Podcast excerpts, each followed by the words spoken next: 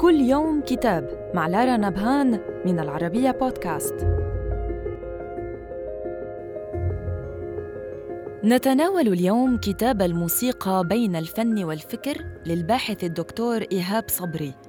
يتناول فيه أبرز محطات رحلة الموسيقى العربية في تحررها من أجواء التطريب التقليدية على الطريقة التركية إلى فضاء التجديد والحداثة. كما يتوقف عند عدد من صناع تلك المرحلة ودورهم في مزج القوالب الغربية بنظيرتها العربية. وكيف أسهم كل ذلك في التعبير عن متغيرات الحياة الحديثة.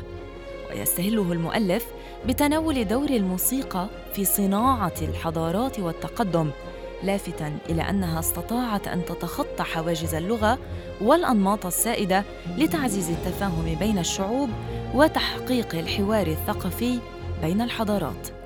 صدر الكتاب عن الهيئة المصرية العامة للكتاب وإلى اللقاء مع كتاب جديد.